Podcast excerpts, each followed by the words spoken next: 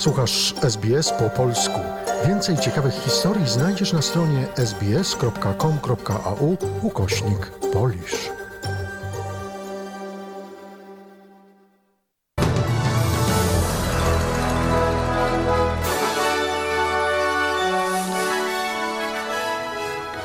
Dzień dobry, przed mikrofonem Dorota Banasiak. Witam Państwa serdecznie i zapraszam do wysłuchania przeglądu wiadomości radia SBS w czwartek, 4 sierpnia.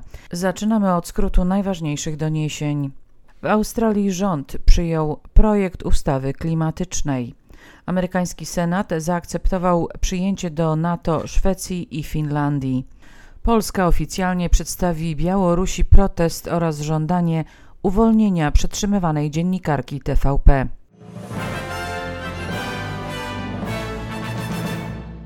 A oto szczegóły doniesień. Australijski rząd przyjął projekt ustawy o zmianach klimatu. Partia Pracy zgodziła się na wprowadzenie poprawek dotyczących odpowiedzialności, przejrzystości i celów emisyjnych. Nie przeszły poprawki lidera Zielonych Adama Banta i niezależnego posła Andrew Wilkie, proponujące zwiększenie celów redukcji emisji. Przyjęta ustawa zwiększa australijski cel redukcji emisji do 43% do 2030 roku, podnosząc go z poziomu z 2005 roku. Ma to dać lepsze warunki sektorom biznesu i przemysłu w procesie przechodzenia na większe inwestycje w energię odnawialną.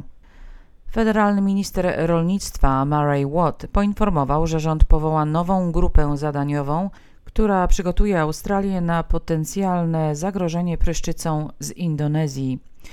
Zadaniem takiej grupy byłaby ocena aktualnego poziomu przygotowania Australii na pryszczycę oraz doradztwo w zakresie innych niezbędnych działań. W skład grupy zadaniowej weszliby przedstawiciele Sił Obrony i Ochrony Granic, a także Australijskiego Departamentu Ochrony Zdrowia Zwierząt.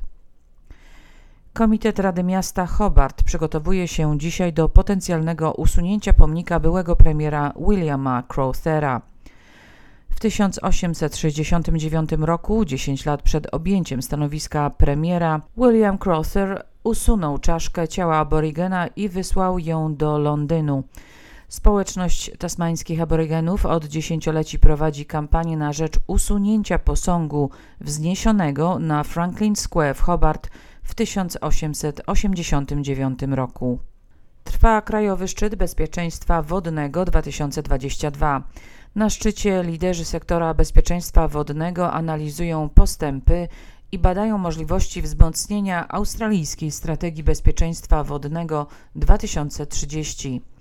Dwudniowy szczyt skupia się na znalezieniu lepszych sposobów promowania i informowania o bezpieczeństwie wodnym środowisk społeczności wielokulturowych i zróżnicowanych. W okresie powrotu międzynarodowych linii lotniczych na australijskie lotniska Urząd do Spraw Bezpieczeństwa Lotnictwa Cywilnego zajmuje się zapewnieniem podróżnym z Australii wysokich standardów bezpieczeństwa. Prowadzone są wyrywkowe inspekcje i kontrole na ziemi, mające na celu sprawdzenie, czy zarejestrowane za granicą statki powietrzne i załoga spełniają światowe i australijskie wymogi bezpieczeństwa. Australijski zespół operacyjny składający się z pięciu inspektorów wykona około 130 inspekcji w 48 liniach lotniczych z 27 krajów rocznie. Stany Zjednoczone są kolejnym krajem, który zaakceptował przyjęcie do NATO Szwecji i Finlandii. Amerykański Senat przytłaczającą większością głosów ratyfikował protokoły akcesyjne obu krajów do Paktu Północnoatlantyckiego. Za rezolucją o ratyfikacji protokołów akcesyjnych Szwecji i Finlandii do NATO głosowało 95 senatorów, jeden był przeciw, jeden wstrzymał się od głosu. Do przyjęcia dokumentu wymagane było dwie trzecie głosów w stuosobowej izbie. Nie ma kontroli nad tym, co dzieje się w największej w Europie elektrowni atomowej na Ukrainie. Informuje o tym szef Międzynarodowej Agencji Energii Atomowej Rafael Grossi. Chodzi o elektrownię w Enerhodarze okupowaną od wielu tygodni przez Rosjan. Szef agencji poinformował, że niemal każdy standardowy środek bezpieczeństwa w Enerhodarze został pogwałcony przez rosyjskich żołnierzy. Rafael Grossi zażądał, by obie strony konfliktu natychmiast pozwoliły wjechać na miejsce niezależnym ekspertom. Amerykański sekretarz stanu Antony Blinken oskarżył Rosję, że ta używa elektrowni jako jednej ze swoich baz wojskowych i prowadzi stamtąd działania zbrojne, co stwarza ogromne zagrożenie. Na Ukrainie rozpoczęła się obowiązkowa ewakuacja mieszkańców nieokupowanych terenów obwodu donieckiego. Ma się ona zakończyć przed rozpoczęciem sezonu grzewczego.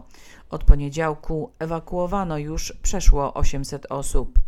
W międzyczasie rosyjskie wojska w ciągu ostatniej doby ostrzelały na Ukrainie 30 miejscowości. Poinformowała o tym ukraińska policja, według której zginęło 16 osób, a kilkadziesiąt zostało rannych. Najtrudniejsza sytuacja panuje w obwodzie donieckim. W polskim Ministerstwie Spraw Zagranicznych w godzinach porannych ma dzisiaj się stawić charge d'affaires Białorusi. Strona polska przekaże mu stanowczy protest oraz żądanie natychmiastowego uwolnienia dziennikarki TVP Iryny Sułanikowej i innych osób bezprawnie pozbawionych wolności na Białorusi, w tym Andrzeja Poczobuta. Na dzisiaj dla Polski zapowiadane są upały. Upalnie będzie w centralnej i zachodniej Polsce. Miejscami temperatura w Polsce może wzrosnąć do 36 stopni Celsjusza. Jutro natomiast upał obejmie całą Polskę. W dniu dzisiejszym dolar australijski wymieniany jest na 70 centów amerykańskich. W porównaniu do złotego warty jest 3 zł i 22 grosze. Dziennik Radia SBS opracowała i czytała Dorota Banasiak.